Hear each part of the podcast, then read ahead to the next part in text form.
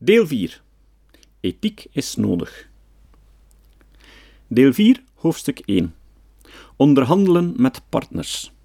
Een ander aspect van een nieuwe ethiek is de manier waarop bedrijven, vooral in tijden van crisis, onderhandelen met partners.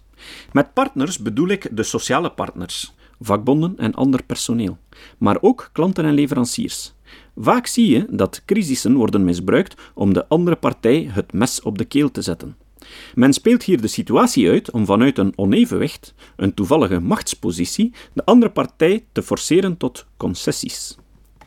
Hierbij kunnen we ons de vraag stellen of we uit moeten gaan van onze evolutionair bekeken recentste natuur, onze moraal, of van onze oerinstincten, de zelfzuchtige genenpool.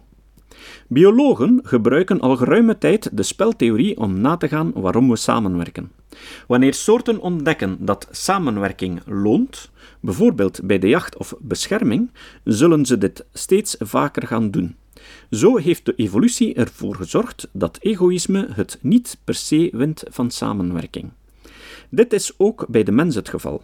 Wanneer er zich echter situaties voordoen, zoals de financiële crisis van 2008, zien mensen zich plots voor een nieuwe uitdaging geplaatst. Net zoals voor de meeste dieren is het ook voor de mensen moeilijk om te kiezen tussen zelfzuchtig zijn en samenwerken in een nieuwe situatie. Men heeft immers nog geen leerproces doorgemaakt en men weet dus niet welke strategie het meeste rendeert. Tijdens economische crisissen zie je de zelfzuchtigheid en de kortzichtigheid van bedrijven vaak toenemen. Laat ons eens kijken in welke situatie dit voorkomt en wat het alternatief is.